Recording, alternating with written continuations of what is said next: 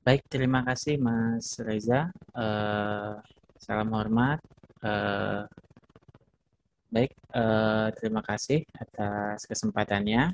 Uh, yang terhormat Ketua RJI, para Ketua Pengurus Daerah, para jajaran, dan teman-teman sekalian yang uh, hari ini hadir di acara yang sangat baik ini. Baik, uh, saya kira uh, izin menampilkan uh, materi. Saya kira uh, kalau melihat dari paparannya dari Pak Andista uh, tadi sebenarnya tidak terlalu jauh ya, tapi mungkin saya akan lebih ke tahap teknis uh, tentang proses review jurnal. Kalau Pak Andista tadi kan lebih ke mutu bagaimana reviewer itu bisa menyunting dan dan peran editor begitu. Uh, baik, tanpa berlama-lama, nama saya Emdian Hikmawan. Uh, saya uh, diamanahi untuk menjadi editor in chief di Journal of Governance yang sampai saat ini uh, berada di Sinta 2. Saya berasal dari Universitas Sultan Ageng Tirtayasa dan uh, diamanahi juga sebagai Ketua Pengurus Daerah RCI Provinsi Banten. Kawan-kawan uh, kalau misalkan ada apa ya uh, diskusi sharing itu bisa email ke saya di dian hikmawan.mdk.ac.id.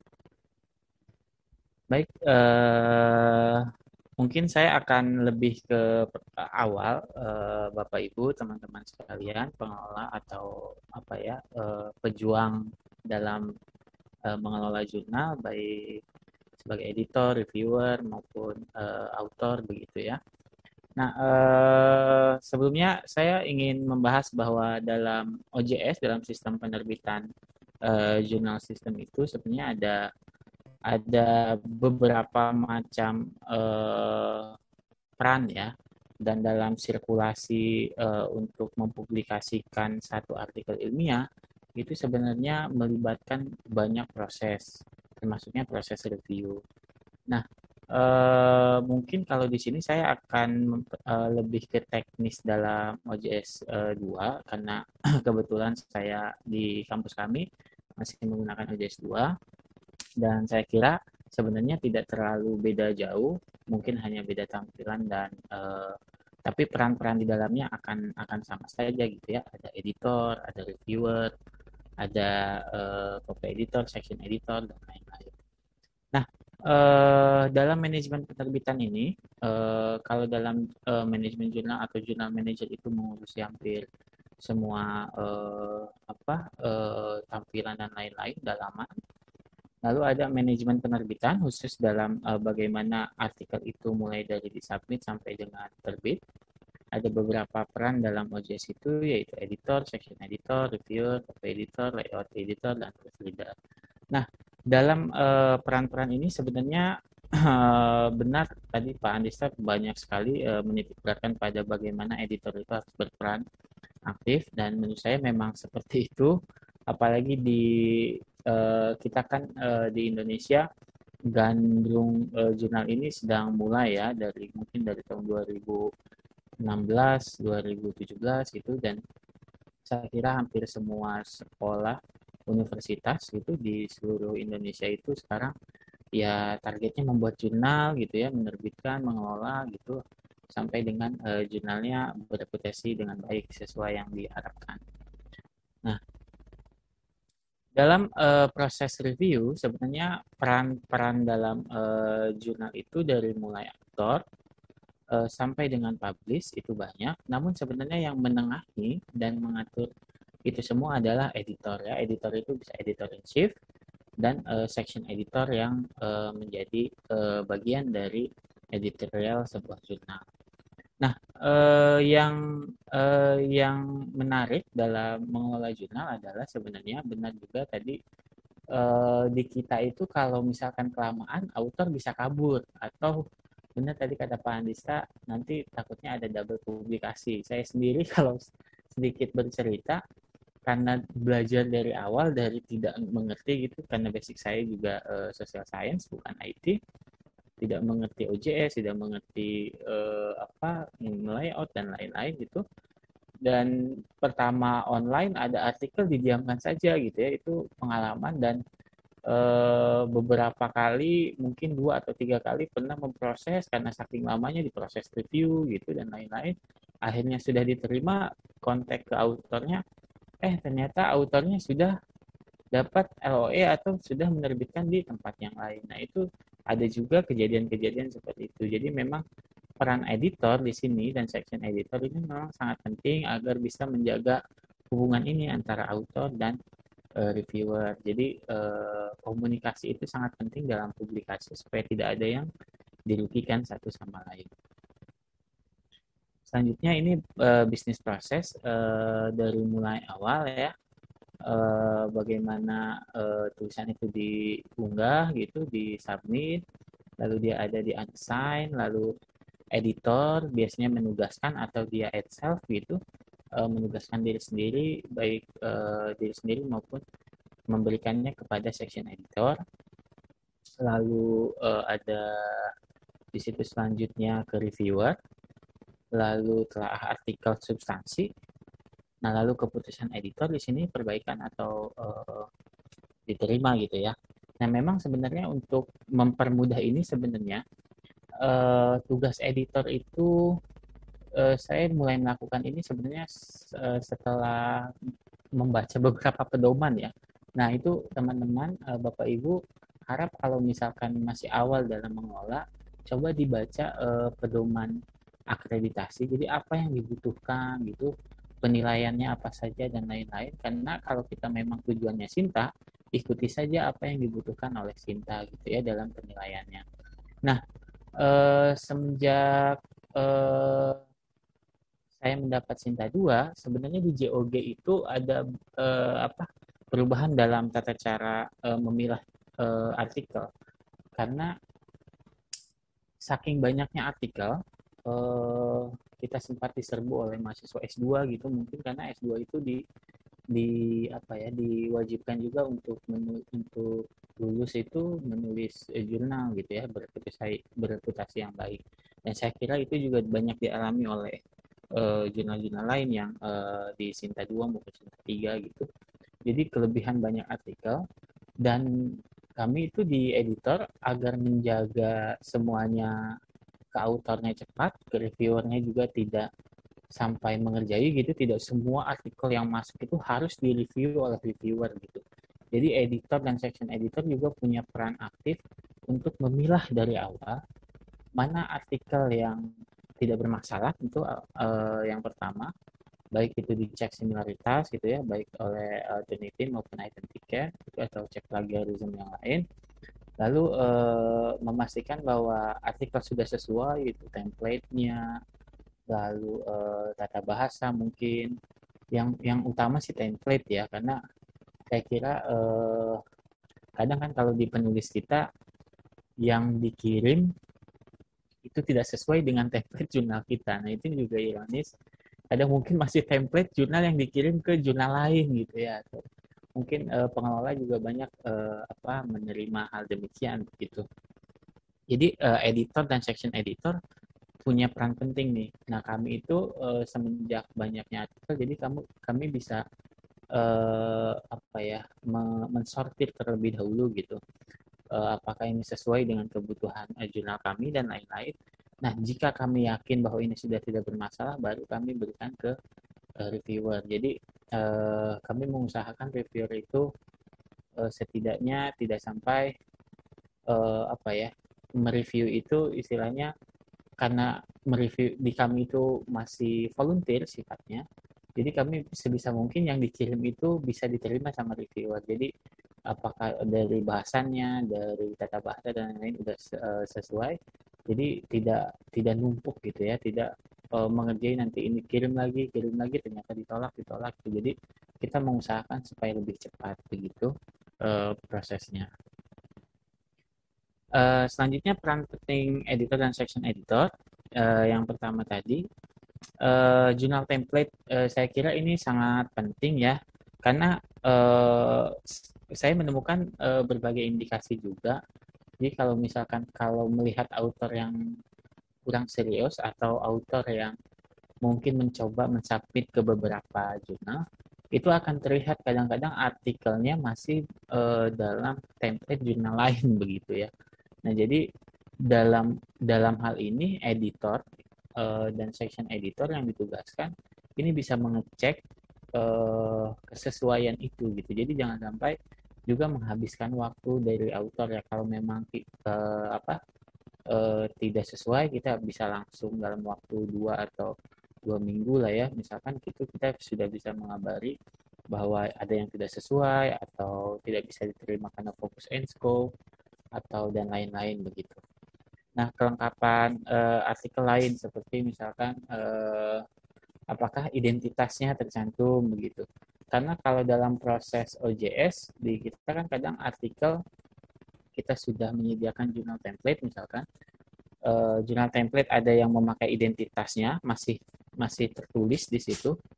Sedangkan uh, dalam proses review di jurnal kita menerapkan misalkan blind reviewer.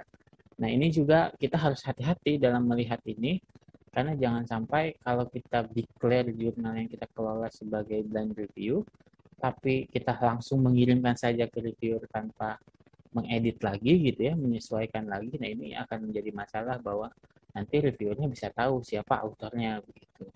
Nah ini ini harus harus uh, di dimulai oleh editor dari awal. Jadi editor ini memang uh, perannya ya signifikan gitu dalam uh, proses uh, review dalam proses publish juga gitu Mema memastikan artikel yang disubmit itu uh, belum pernah terbit ya lalu uh, menggunakan tools atau tidak. Nah ini juga manajemen referensi. Jadi jangan sampai istilahnya kalau kita mengirim ke reviewer reviewer ya tolong di substansinya aja deh. Jangan sampai misalkan oh ini masih belum pakai uh, tools manager apa tools manager referensi manager gitu ya. Misalkan masih acak-acakan atau referensinya tidak sesuai, kita meminta APA dikirimnya apa gitu ya. Nah itu uh, editor dan section editor punya tugas berat memang untuk dari awal menyiapkan hal demikian. Nah, uh, selanjutnya ini uh, salah satu contoh mungkin kalau teman-teman atau Bapak Ibu mengelola di OJS 2, uh, tampilan jurnal atau tampilan dalam uh, editor yang awal misalkan unassigned di sini dan ini adalah artikel yang akan muncul. Lalu pastikan artikel yang masuk sudah sesuai eh, sudah sesuai dengan cara mengecek kelengkapannya tadi itu.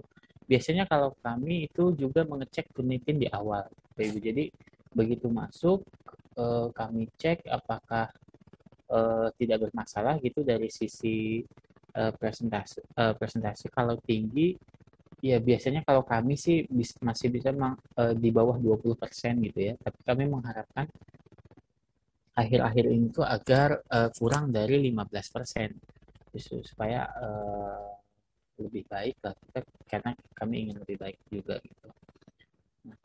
Lalu e, bila e, itu sudah dicek, itu sudah e, sudah sudah tidak bermasalah dan akan menentukan apakah ini akan di didampingi oleh editor in chief-nya sendiri ya, itself itu atau add section editor. Biasanya kan kita punya section editor misalkan ada 5 atau 10 section editor. Nah, kita juga harus bisa menyesuaikan antara tema eh, yang ada ya yang disubmit dengan kemamp eh, expertise ya dengan expertise dari section editor. Jadi eh, karena section editor itu juga harus membaca dan eh, mengetahui uh, apakah ini sudah sesuai uh, belum kajiannya menarik atau tidak gitu apa yang kurang untuk memberikan catatan jadi harus sesuai juga section editor. Usahakan sesuai dengan expertise uh, section editornya. Lalu section editor atau editor sendiri yang sudah memilih itu juga bisa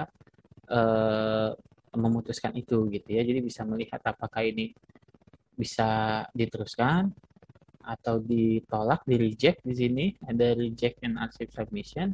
Mungkin tidak sesuai dengan fokus and scope atau ada hal-hal lain gitu ya terutama tentang similaritas gitu atau double apa sudah diterbitkan dan lain-lain gitu.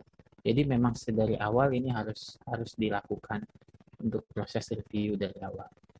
Nah lalu eh, dalam review nah pastikan kalau eh, bapak ibu dalam uh, di OJS uh, 2 tampilannya akan seperti ini tapi saya kira di OJS 3 uh, bertahap ya, tapi sama saja sih di situ bahkan ada uh, discussion untuk uh, reviewer gitu ya dan lain-lain itu lebih lengkap itu fiturnya. Tapi di sini memang uh, uh, dalam satu halaman ini akan lebih simpel gitu. Nah, yang perlu diperhatikan selanjutnya adalah untuk artikel yang sudah masuk uh, dalam proses review awal adalah pastikan bahwa artikel itu harus sesuai dengan uh, apa ya, uh, author guidelines dan proses review dari tiap-tiap jurnal. Kebanyakan memang di Indonesia uh, proses review itu blind reviewer gitu. Ya. Saya kira hampir hampir semua jurnal ya uh, menerapkan blind review. Maka dari itu kadang author kita mensubmit itu memang dengan identitasnya gitu. Jadi misalkan pertama judul, kedua misalkan eh, apa lagi ya eh, afiliasi nama gitu dan lain-lain tentang identitasnya gitu. Nah untuk eh, proses review blind review itu pastikan artikelnya harus dikosongkan mengenai identitas itu. Kalau di saya bahkan di akhir-akhir itu ada eh, apa uh, about authors gitu ya. Jadi tidak hanya di halaman pertama tentang identitas nama gitu, afiliasi, email dan lain-lain, tapi juga di bawahnya gitu di akhir kan ada about authors kadang eh, penulis juga menuliskan di situ lalu kita hapuskan dulu. Nah itu bisa diupload di sini. Agar nanti kalau kita upload di sini nanti ini yang akan dikirimkan ke reviewer. Kalau kita select reviewer di sini ya.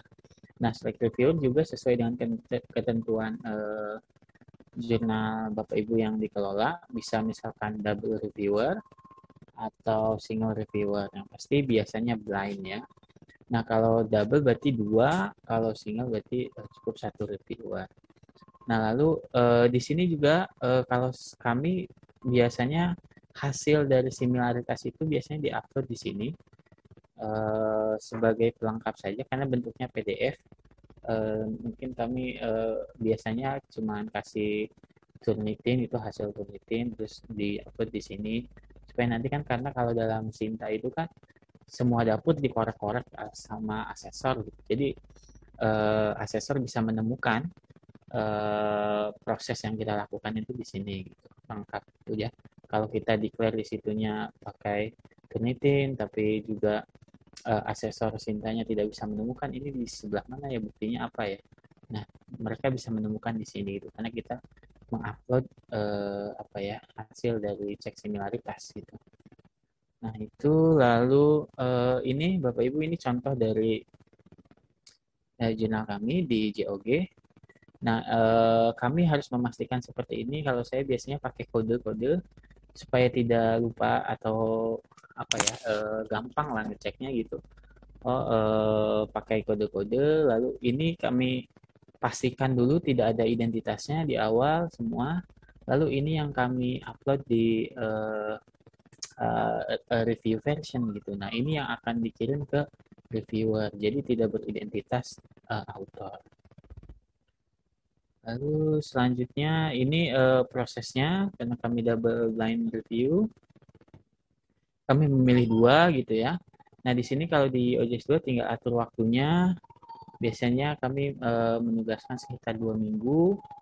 Lalu setelah itu kami email jangan lupa di email.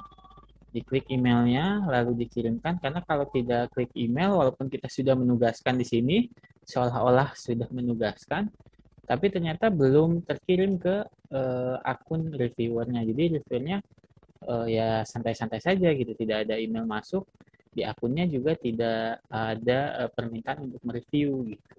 Jadi ini sangat penting prosesnya, jangan sampai uh, terlupa. Jadi tidak hanya menselect gitu ya, memilih, lalu tampil begini, lalu didiamkan gitu. Nah ini nggak bakal selesai-selesai nanti.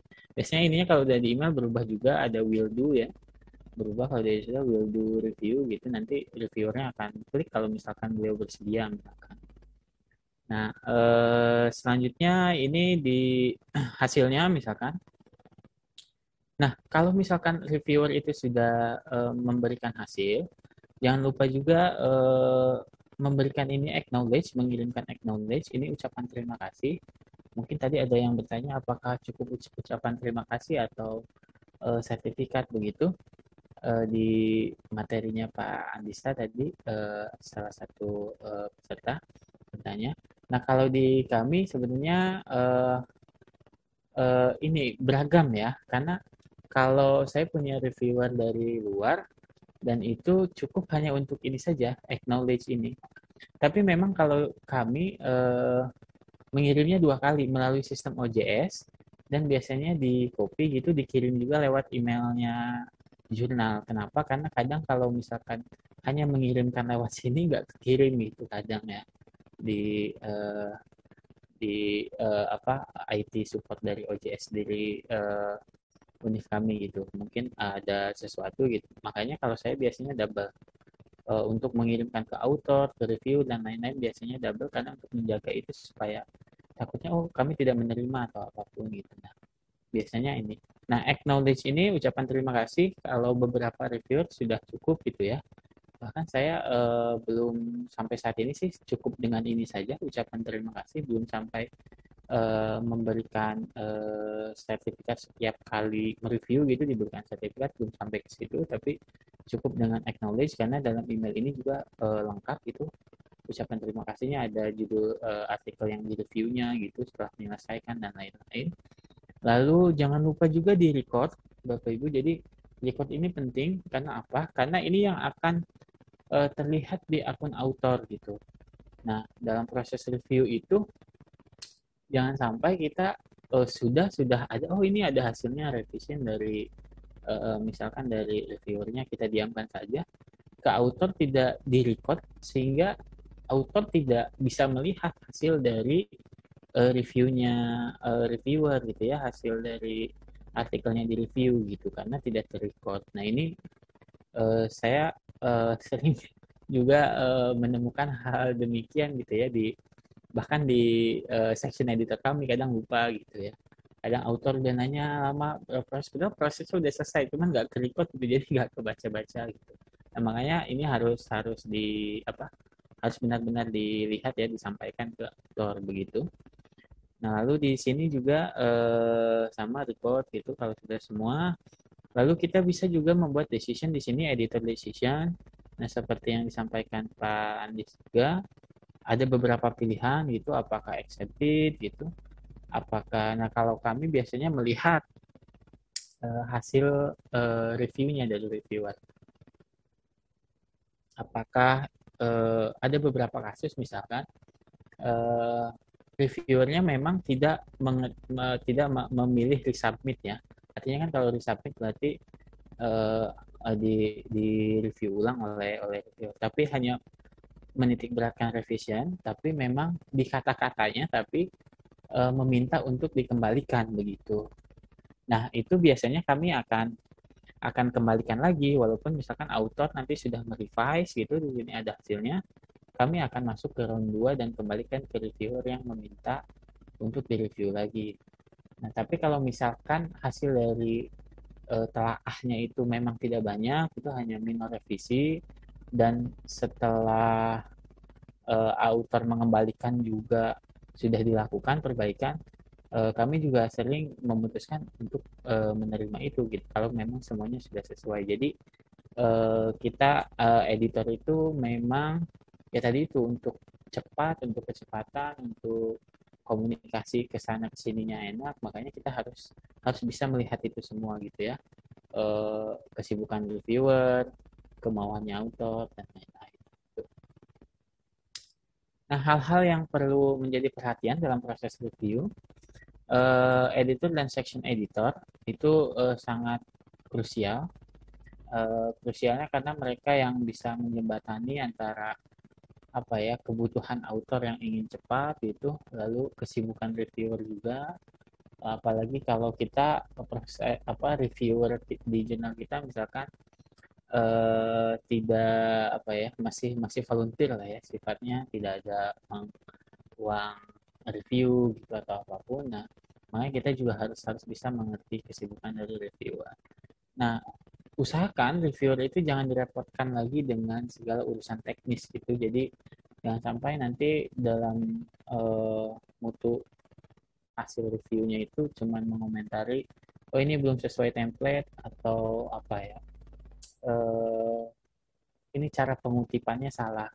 Nah, saya kira itu harus selesai semua di editor dan section editor sehingga reviewer itu fokus pada hal-hal substansi dari uh, artikelnya gitu ya, baik metodenya, abstraknya, pendahuluannya gitu ya, state of the art-nya dan lain-lain. Nah, uh, reviewer juga harus dipastikan memberikan uh, catatan pada substansi bisa diarahkan oleh uh, editor atau section editor. Maka dari itu kami biasanya sebelum uh, mengklik itu biasanya punya template sendiri agar mengarahkan reviewer itu bisa memberikan komen di setiap uh, apa substansi dari artikel ini dan harus dibuat uh, anonim gitu ya. Jadi jangan sampai di komen wordnya itu ada nama reviewernya begitu. Jadi supaya uh, author juga tidak mengetahui uh, siapa yang mereview. Saya kira uh, demikian uh, dari saya. Yang lebihnya mohon maaf. Uh, terima kasih. Saya kembalikan ke Pak Reza.